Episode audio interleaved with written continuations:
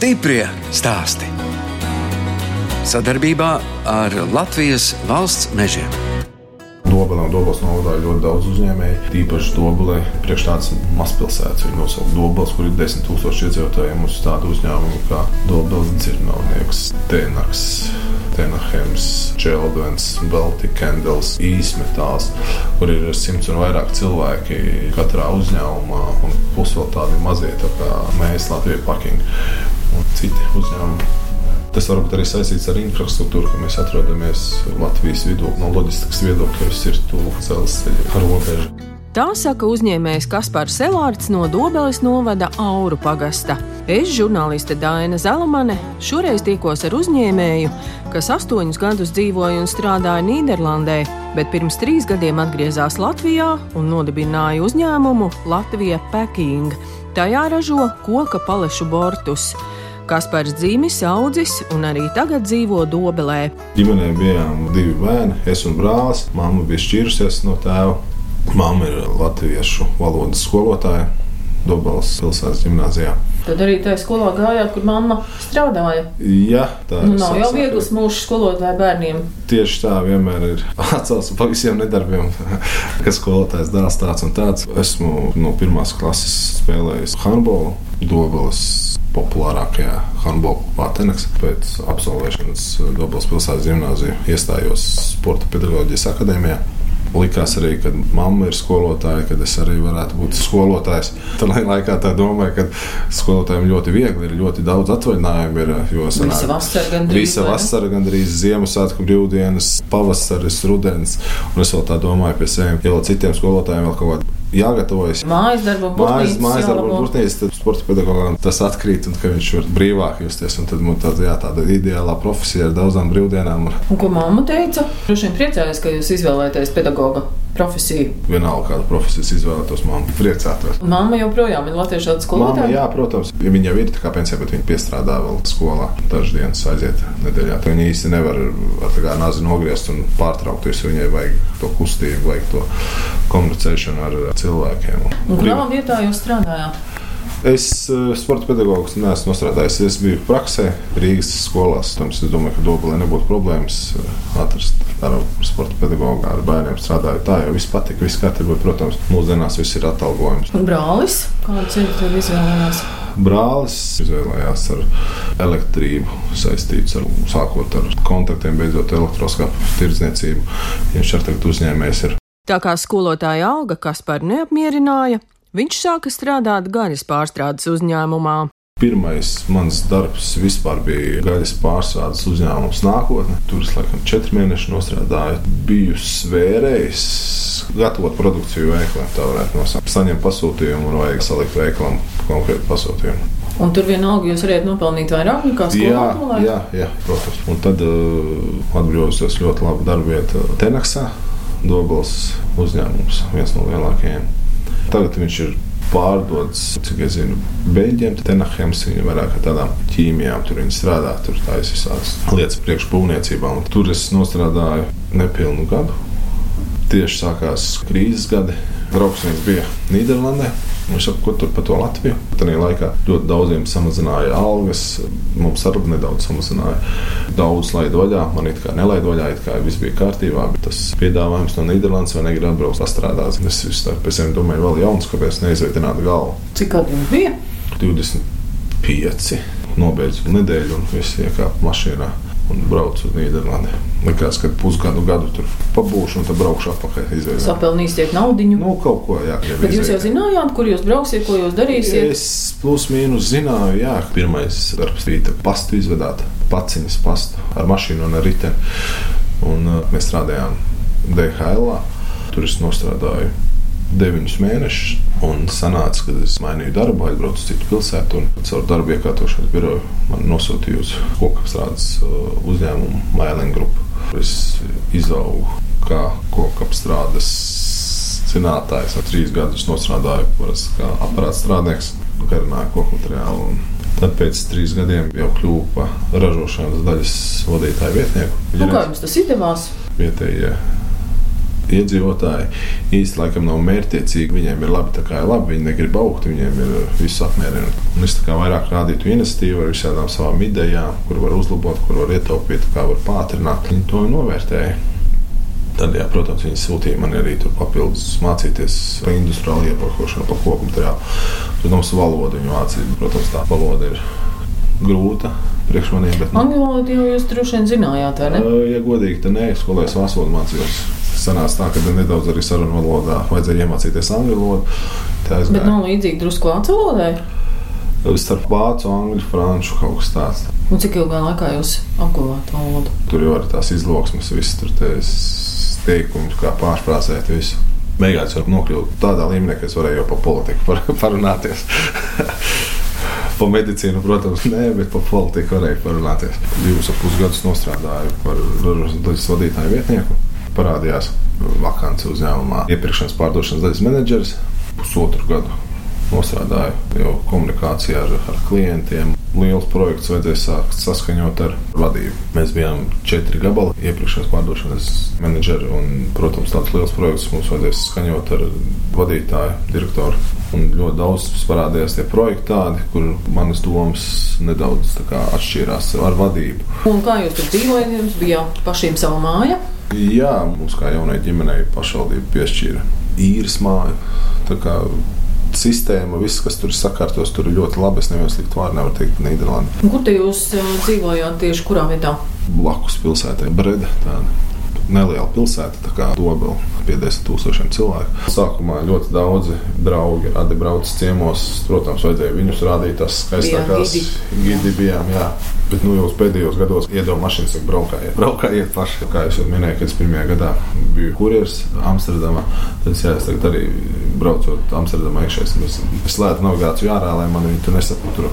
Tad es jau visus tos ceļus jau no galvas zinu. Oh, kā pasniegs, kad jūs vadījāt? Jā, jā, jā, jā, jā. Es cenšos katru gadu aizbraukt kaut divas, trīs reizes turienu un reiz ar draugiem parunāties, vienkārši atcerēties. Tiešām es varu teikt, ka otrās mājas man ir Nīderlanda. Esmu bijis daudzās valstīs, bet uh, Nīderlanda vispār salīdzināt nevar. Soli priekšā viņi ir visiem. Bet, nu, es nezinu, citreiz arī liekas, ka tie cilvēki, ka tur viss tik sakārtots, ka cilvēki jau pārstāja domāt. tur jūs garlaicīgi, jā? Nu, garlaicīgi, jā, jā, jā, ka viņiem viss jau ir sakārtots, vai kādreiz izlīst no tās sistēmas ārā. Tanī laikā sieva ļoti gribēja uz Latviju atpakaļ. Viņai tā iedzīvošanās Nīderlandē negāja tik labi. Viņa tā kā vairāk skumja pēc mājām, pēc ģimenes. Un bērni arī jau jums bija piedzimuši tajā laikā? Jā, vecākais bērns Aleks. Mēs pat iedavām viņam vārdu Aleks, jo Nīderlandiešu valodā arī vārds ir Aleks. Tad, lai viņam pašam skolā būtu vieglāk, uh, man patīk tas nu, vārds. Starptautisku, starptautisku vārdu, lai viņš nejūt, ka viņš ir iebraucējis, jo es zinu, ka iebraucēji tiek atstumti un tādā ziņā. Dēls sāka jau iet skolā, jo tur skolas sistēma sākās no četriem gadiem. Jā, viss Nīderlandiešu valodā, protams. Viss Nīderlandiešu valodā, protams, un uh, viņš smuki jau atklimatizējās, un jau draugi bija Nīderlandieši, jau nāca pie mums, viņš pie viņiem. Un, viss bija baigi forši. Un tad tad vienā momentā, jā, tā sieva tā kā, nu, gribētu uz Latviju. Dēlam jau seši gadi, nākošais gada latviešu skola. Tad uh, es darbā jūtu, ka vairāk nav kur īsti augt. Daudz domstarpības, kā es darītu savādāk un vadītu savādāk. Un uh, tad es meklēju kaut kādu alternatīvu. Bet jūs gribējāt braukt no tās Nīderlandes pats atpakaļ, nu, ja sieva nebūtu gribējusi. Jūs... Uh, es nezinu, varbūt bija tik daudz jau tas sakāps, ka vajadzēja kaut ko dzīvē pamainīt. Un tad es jau biju attaisījis uzņēmumu jau esot Nīderlandē. Protams, tur tirgus izzināšana. Es jau no sākuma darbojos kā starpnieks, pircējs, pārdevējs. Kad es atbraucu attaisīt uzņēmumu, man jau bija kaut kāds neliels noiets, ko es jau varēju tirgot. Nebija jādomā, kas un kur. Es jau biju aizgājis pie vadītājas. Man ir tāda ideja, ka mēs varētu Latvijā taisīt ražot. Tas varētu būt Latvijas pārstāvniecības. Tā vadītāja Nīderlandē. Jā, jā, jā, jā mm -hmm. vadītāji Latvijā, un mēs varētu sadarboties ar meitas kompāniju attīstīt Latvijā. Viņš saka, kas var ideja nav slikta, bet mūsu īsti investīcijas uz doto momentu nav, lai mēs kaut kādu ražotni taisītu jaunu Latvijā. Bet, ja būtu tāda ražotne, mēs labprāt sadarbotos. Jums bija sākumā ideja par tādu tā kopu uzņēmumu. Jā, kopu uzņēmumu. Jā. Kā tas ir? Atgriezties pēc astoņiem gadiem pavadītiem ārzemēs. Protams, jau biju pieņemts no Nīderlandes sistēmas, pēc kā viņi strādā. Un, un pirmo gadu vispār bija tāds kultūras šoks. Kas bija tas grūtākais? Tad man liekas, tā vārda turēšana Latvijā īstenībā tur to vārdu. Tas vienkārši tāds ķēdes reakcija, jo viss uzņēmums kopumā ir saistīts. Ražotājs, transportnieks, nezinu, ēdinātājs, ja kāds kaut ko neizpilda, tad uzreiz viss ķēdes reakcija. Pirmie finanšu līdzekļi bija uh, pašiekrājums. Pieklājīga alga man bija Nīderlandē. Sieva strādāja to vienu algu mierīgi. Tur var uh, atlikt vienkārši malā. Stiprie stāsti.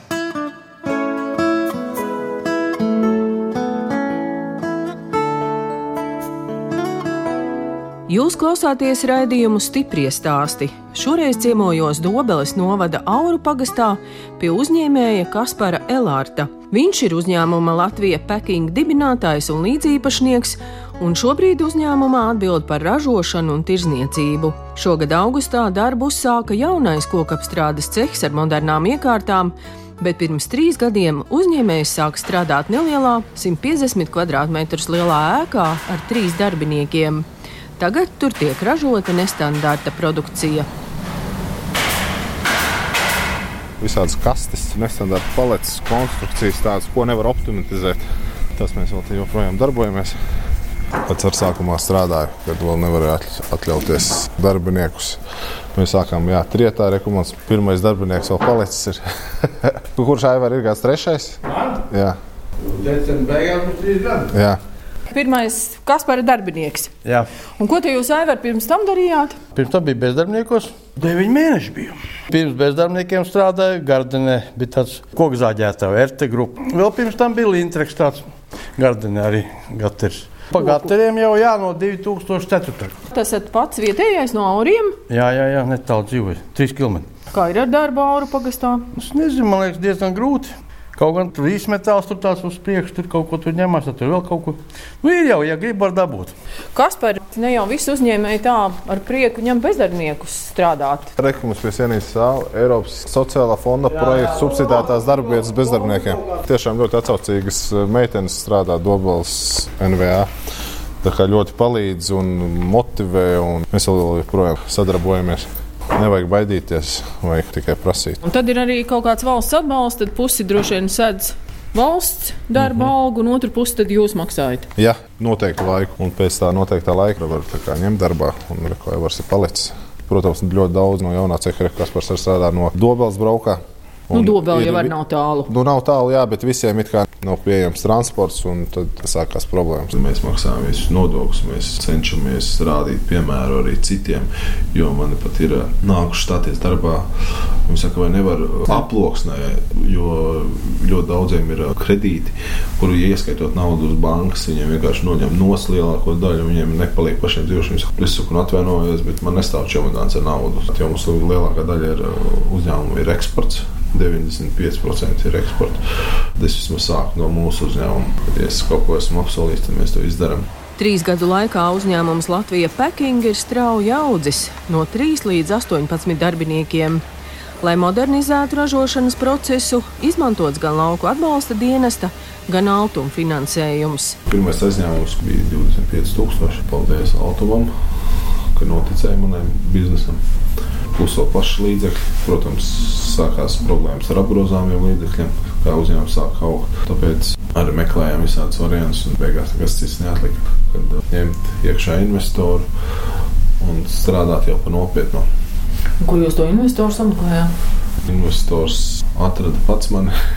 Dobelnieks? jā, jā, jā Dobelnieks oh. mans pazina. Un par tiem lātu projektiem tad izstāstiet? Pašā pirmsākumā arī tur bez iekravēja, tā kā bez rokām. Tie, lai ieceltu gatavo produkciju mašīnā, lai izējuma materiālu izceltu no mašīnas. Un ar rokām tas vienkārši fiziski nav izdarāms. Un tas otrs logs projekts, par ko bija? Iegūt līdzfinansējumu, ražotnes iekārtu iegādē. Kopējais projekts no Lada puses - 500 tūkstoši eiro. Plus mūsu viskopējais projekts - 2 miljonu. Tā kā visu modernizējam, automatizējam, lai pēc iespējas mazāk būtu vajadzīgi cilvēka resursi. Izstāstiet, ko īsti nozīmē tas jūsu produkts, palešu borti. Cits viņus par saliekamajām koku kastēm, angļuiski palette colors. Viņus ir viegli uzlikt. Izveidot kasti, kuru var iekšā bērkravas, uh, motorus. Viņa ir sava veida aizsardzība metāla apstrādei, autorūpniecībai, dārzkopībai. Cik liela tāda kaste var būt dažādi izmēri? Nē, viņi ir standarts, virsū ir standarta Eiropa paletē, bet ar 20 x 80 viņus viegli transportēt uz palašu apmales. Tas jau ir tomēr produkts, kā mēs tagad moderni sakam, ar pievienoto vērtību. Ar pievienoto vērtību, jā, ar eņģiem viņš ir viegli saliekams, viegli uzliekams, viegli uzglabājams, viegli transportējams. Un, uh, uzdevums ir no punkta A līdz punktam B nogādāt ražotāju preci neskartu. Palašu bortiņš var mielīgi salikt, izmantot vairāk kārtēji, var arī vest ārā, var utilizēt. Tas ir viņa paša darīšana. Ar kādu koku jūs strādājat? Strādājam ar zviedru, latviešu, somu, igaunu, lietuviešu, baltkrievu. Mēs strādājam ar skūjkoku, priedēgli. Viens no faktoriem, domāju, kāpēc izmanto skūjkoku, nevis lapkoku, ir tas, ka viņš ir gaišs Protams, cilvēkam patīk ar acīm skatīties to, to produktu. Lapkoks, protams, būtu oranžīgāks un raibāks un funkcija pildītu to pašu, bet nu, nebūtu tik smuks. Kontakti jums bija Nīderlandē, tad jūs arī sadarbojaties ar to iepriekšējo darba devēju? Esam daudz runājuši, esam sadarbojušies. Vācijā ir labi klienti, Somija, Skandināvija. Visas iespējas ir mūsu rokās, lai mēs varētu vēl lielāka kļūt un augt. Plāni ir lieli sadarbībā ar vienu koordinācijas staciju, to kalte, paši žāvēsim dēļus priekš savas ražošanas. Vēl viens variants ir skaidrs. Protams, tagad mēs viņus pārdodam, mēs viņu varam paši ar tām skaidrām kaut ko darīt. Mēs granulās kaut vai pārvērst. Kaut vai granulās, biktēs, tas ir jā, bet tas, protams, ir cits biznes, laika ietilpīgs, vai tā visam pietiks nedēļa arī. Sakam, jā, vai šī ražotne pa 100% tad jāskatās, ko mēs vēl varam darīt tālāk. Gribās arī iegriezt to riteni, lai tu pats vienā momentā vienkārši var noiet no tas ritenis griežās arī bez tevis. Nu, tas jau būtu ideāls variants. Tas būtu ideāls variants, protams. Pirmajā cehā satikām vīru, kurš pie jums sācis strādāt kā bezdarbnieks. Nācām te caur cehu, es skatījos, viena sieviete arī bija. Ir sieviete, mēs gribam pēc iespējas vairāk sievietes, jo kārtīgākas, atbildīgākas. Es skatījos, nu tā pēc vecumiem arī bija tādi jauni puiši, bet bija arī vīri gados. Jā, protams, ļoti grūti tos jaunos atrast, jo ļoti daudz ir devušos prom peļņā uz ārzemēm. Kas vēl ir bijis tās lielākās grūtības? Es jau kaut kā vairāk nebaidos iet valsts iestādēs iekšā, ja vajag arī varu pacelt balsi. Tiešām? Jā, bija gadījums, kad es zvanīju uz Saldus NVA, painteresēties par subsidētajām darba vietām, jo tur ir tā kā kvotas, cik tur katru to reģionu. Viņi saka, atvainojos, mums eh, beigušies tās kvotas, saku, varbūt ir iespējams eh, paprasīt Rīgai papildus kādu. Tā sieviete saka, esmu pārstādojusies, man nekas nav jāpaprasa. Tāda attieksme pret tevi, kad valsts iestāde vienkārši te met projām, ka es gribu paņemt cilvēku darbā, bet tev viņi saka, es neprasīšu, jo esmu pārgrus. Un tad man nekas cits neatlika, kā zvanīt uz Rīgu un sūdzēties, bet paldies Dievam, ka Rīga bija piezvanījusi uz to apakaļ, un mana vadītāja pati atzvanīja un atvainojās par savu darbinieci. Tāpēc es domāju, ka jā, katram vadītājam vajag analizēt, ko ņemt darbā, ko neņemt. Jo citreiz tas darbinieks var tiešām iegriezt tev. Vai arī tāpat laikā celt to pienesumu. Nu, Latvijā jau ļoti populāri sūdzēties par nodokļiem. Ko jūs sakāt, salīdzinot ar Nīderlandi? Mm, viens ir pirmkārt, ko es gribētu runāt, kad Latvijai obligāti vajag pārtiku 6%.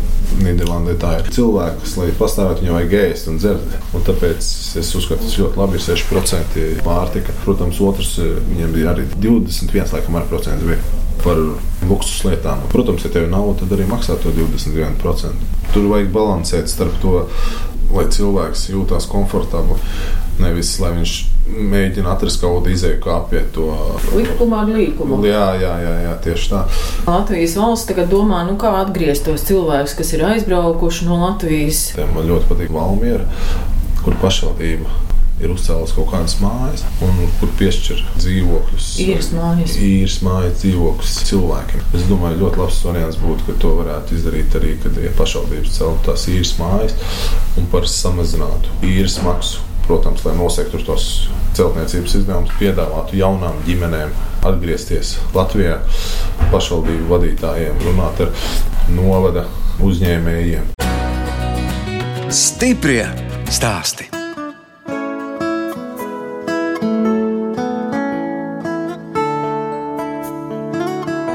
Skan raidījums stipri stāsti. Turpinu ciemoties Dobeles novada Auru pagastā pie uzņēmēja Kaspara Elārta. Viņš vēl stāsta par saviem dēliem, Ralfu un Aleksu. Aleksam ir 9 uh, gadi. Viņš sāka 3. klasē mācības Dobelas vidusskolā. Kas viņam interesē? Interesē handbols, datorspēles, kā jau visiem bērniem. Kā viņam iet ar latviešu valodu? Latvieši nodzīvoja ilgi nodzīvoja Nīderlandē. Nīderlandē. Viņš gāja pie logopēda, lai dabūtu iekšā to nīderlandiešu. Tādu, tur tur viņam ir tāda vilciens, tāda valodas īpatnības. Viņš tur izmācījās, viss jau bija kārtībā. Tad, jā, sešos gados atbraucām atpakaļ. Viņš vēl pēdējo pusgadu nogāja bērngārzā, lai sagatavotos skolai. Tiešām es brīnumainā kārtā viņš pusgadā visu dabūja atpakaļ. Latviešu valodu. Latviešu valodu, jā, kad es viņam mēģinu kaut ko holandiski prasīt, viņš īsti pat nemaz nezina, ko tas nozīmē. Viņš jau visur aiz, aiz, Aizmirsis. jā. Tad, kad braucam uz Nīderlandes, viņam līdzi, lai viņš atcerās gan skolas, gan, gan kur viņš gāja, gan uh, pilsētu, kur viņš dzīvoja. Atceries tomēr, jā? Jā, jā, jā protams, protams. Mm -hmm. Ir daudz video no turienes.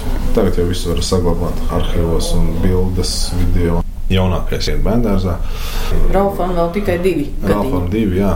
Jūs jau teicāt, ka ar sievu jūs esat šķīries, vai tam iemesls tomēr nav arī bizness un tas lielais darba apjoms? Jo biznesu jau bieži vien sauc par trešo bērnu. Grūti spriest, varbūt īsti mājās nebija, bet uh, varbūt var teikt, ka jā, vienkārši pēc daudziem gadiem izdomājām iet katrs savu ceļu. Bet uh, komunikācija ar, ar, ar sievu ļoti laba. Un bērni dzīvo pie sievas. Bērni dzīvo pie sievas, protams, es viņus ņemu. Tagad sarunājam, nu, vispār nekāda strīda uz doto momentu nav. Kur jūs pats dzīvojat Dobelē? Pats dzīvoju centrā, Dzīvoklī? eh, dzīvoklī. Jā. Dzīvoklis tika iegādāts pirms Nīderlandes. Un ir arī sapnis par savu māju. Zeme ir iegādāta priekš mājas. Bet uz to momentu tās investīcijas bijušas tik lielas, ka tā māja ir jau otrajā plānā. Jāpalaiž biznesa, tad, tad var sākt domāt par luksus lietām. Ja māja prasa papildus līdzekļus, otrkārt laiku, zāle jāpļauj, tur jākurina. Tas, protams, prasa ļoti daudz laika. Uz to momentu es to laiku es visu veltu biznesā. Kāda jums ir vaļaspriega? Ceļot arī jums patīk? Patīk, protams, kuram te nepatīk ceļot. Ka var izrauties no ikdienas, analizēt, kā citās valstīs notiek un salīdzināt ar Latviju. Ko vajadzētu mainīt, ko nevajadzētu mainīt, kādas pieejas būtu, kā mēs varētu kopā strādāt. Handbolu arī skatāties. Handbols, jā, es, protams, mums Doblē ir Latvijas čempioni. Treneris ir Sandrs Verškovs. Es pats esmu spēlējis kopā ar viņu. Tiešām mēs ejam atbalstīt uh, pilsētas komandu. Arī tādā veidā, izraujos no tās ikdienas rutīnas un forši, kad, kad tu redzi un tur jūti līdzi. Un, protams, ar bērniem kopā laika pavadīšana. Makšķerēšana man patīk. Protams, makšķerēšana liekas mazāk, sanāk. Bet nu, es cenšos vismaz aizbraukt kādreiz, apstīties un darīt. Tepat uz vietējiem uh, ezeriem un dīķiem. Un tas lomas ir svarīgs vai nav? Vairāk tas Nav process. vairāk tas process ir arī pabūt ar nezinu, draugiem. Tā kā jūs tomēr esat sporta treneris, negribas arī kaut ko šajā jomā darīt, ja nav Prot- laika. Pašam trenēties, jā, bet kā trenēt citus, domāju, ka nē. Un kā jūs, Kaspar, tagad, kā jums būtu jāspēlē kādā senioru komandā, ja bija vēl tik traki nav? Jā, jā, jā būs senioru komandā. No 35, man liekas, ja es nemaldos, bija jau, jau seniori. Mums pat sanāk sadarbība, jau runājam, kad mēs varbūt ņemsim darbā leģionāru sistēmas komandai. Finansiāli mēs nelielos daudzumos atbalstām, bet eh, leģionāram dosim darbu, kur viņš varēs nopelnīt naudu kaut kādu. Bet tas leģionārs, tas nozīmē, ka tas ir spēlētājs no kādas citas valsts. Jā, jā, jā. Ko viņš pie jums varētu darīt? Darbs mums nav grūts, viss ir apmācāms. Sportisti ir gatavi strādāt, kopā Protams, strādāt. protams, Eiropā tā dara, ka sportisti pusprofesionālās komandās, ka viņi vēl piestrādā pie sponsoriem. Viens spēlētājs ir eh, no Latvijas handbola izlases. Kur tagad Eiropas čempionātā piedalīsies 20. gada sākumā Norvēģijā uz Eiropas čempionāta handbolā. Latvija pirmo reizi vēsturē tikusi uz turieni. Un te viens handbolists mums no Tenaks komandas, kurš absolvēs ar Sporta pedagoģijas akadēmiju, strādā pie mums. Speciāls grafiks ar viņu sarunāts. Viņš pūksteni četros brauc un trenē bērniņus. Un plus viņš ir izlases spēlētājs. Tad, kad viņam būs kaut kāds treniņš nomets vai kas, protams, mēs viņu palaidīsim. Es kā darba devējs tādā veidā atbalstu to sportu, kad es eh, pieregulēju to darba laikus viņam par labu. Un Kā tad sauc savu spēlētāju? Egīls Poiters. Cik tas ir iespējams, mēs atbalstam sportus, jauniešu sportu dobalē. Paklāju vajadzēja noziedot cīņas, mēs piedalījāmies līdzfrancēšanā. Iespēju robežās mēs kaut ko atbalstām. Mēs jau paši jauni esam, mums īsti ir tie. Jums pašiem vēl jāgulda Jā, uzņēmumā. jā, mēs strīdamies par gaisa piesārņojumu Rīgā. Ļoti daudz mašīnas, bet visi jaunie ceļi, kur tiek nodoti. Pēdējo divu gadu laikā nevienam nav uzzīmēts kaut kāda krāsa veloceliņš blakus. Kāpēc mēs nesataisījām ceļu tā kā ir Eiropā? Kāpēc mums grūti to veloceliņu blakus piezīmēt? Es domāju, ja tur paprasītu kādam dobels lielam uzņēmējam, viņš nosponsorētu to krāsu, lai varētu. Dobelē nav veloceliņu. Dobelē ir veloceliņš, ir uztaisīts no Gardens. Ir veloceliņa trase, bet viņi ir vairāk kā izklaides braucieniem. Bet, eh, lai mēs padarītu bērnus aktīvus, Nīderlandē 99% bērnu skolu brauc ar riteni. Pa sniegu neviens nevajag braukt. Rudenos un pavasaros mierīgi varat to riteni braukt uz skolu un dobelē, lai no centra aizbrauktu uz skolu vai no meža masīva aizbraukt uz skolu. Mums nav uz ceļa veloceliņš. Nav jātaisa blakus veloceliņš. Vienkārši vajag uz tās pašas brauktuves uzzīmēt krāsu, atdalīt samazināt ātrumus, ceļzīmes. Tas ir iespējams izdarīt. Vienkārši vajag eh, motivēt tos bērnus. Pirmkārt, braukt, sportot, būt fiziskiem aktīviem. Kā jūs par saviem dēliem gribētu, ko lai viņi dara, kad izaug lieli? Nu, droši vien ievirzīsiet uz sportu. Es domāju, ka jā, sports ir ne tikai eh, tāds, ka tu esi fiziski un, garīgi vesels. Sports ir tas, ka komandu sporta veids, piemēram, kā handbols, basketbols, futbols, tev rodas ļoti daudz kontaktu Jo tur ir vēl 20 tādi paši. Man arī ļoti daudz kontaktu ir veidojušies no draudzības. Es varu kādam piezvanīt, pateikt, tā tas jau mans bijušais komandas biedrs strādā. Tur, tur viņš pazīst mani un vieglāk ir vadīt biznesu, ka tu zini, ka tev tur ir kaut kāds paziņa vai kaut kas tāds. Daudz sportistu kļūst par uzņēmējiem. Ir kuri uzņēmēji, protams, ir kuri nav uzņēmēji. Varbūt tas sports kaut ko ieliek tādu raksturā, kaut kādu lielāku uzņēmību. Lielāku uzņēmību, nepadošanos, uzdrīkstēšanos Man ļoti patīk sporta nekaunība, kā viņi nosaukt. Ja izmet pa durvīm, tad ieliek pa logu apakaļ. Tas arī varbūt kaut kas ir no sporta. Klausoties jūsos, nu tā liekas, nu redz, trīs gados tāds veiksmes stāsts, nu, uzņēmums no, veiksmīgi attīstās. Jūs pašam arī tāds jūtat, ka viss ir pareizās sliedēs, viss ir pareizās sliedēs. Jā, protams, vajag uh, nebaidīties, vajag augt, vajag iet uz priekšu. Ir tik vienkārši? Nu, nav tik vienkārši. Protams, ir negulēts naktis. Sāks reizes likās, ka jā, kuras ielīd, zin kā, bet nu, kad vajag iet uz priekšu un darīt. Dažreiz jau saka, ka uzņēmēji gēns, ka ir cilvēki, mm. kuriem tas ir un ir, kuriem tas nav. Jums tad kas par tas ir? Es domāju, jā, ja jau esam sācis uzņēmēju darbību, tad laikam, kad ir tas uzņēmēju gēns, cik veiksmīgs tas būs, to mēs redzēsim pēc vairākiem gadiem. Bet, nu, pēc cik? Pēc pieciem gadiem mēs mierīgi mēs varam norunāt vēl vienu interviju, tad mēs jums pastāstīsim, cik, mēs, jā, cik mēs esam izauguši un cik mēs neesam izauguši.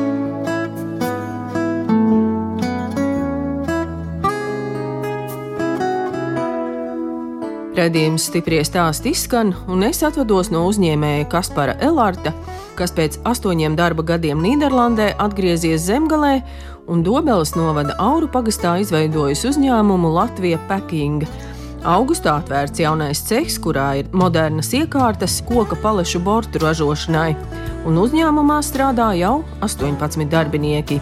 No jums atvedās žurnāliste Daina Zalamana un operātore Inga Bēdele lai tiktos atkal tieši pēc nedēļas.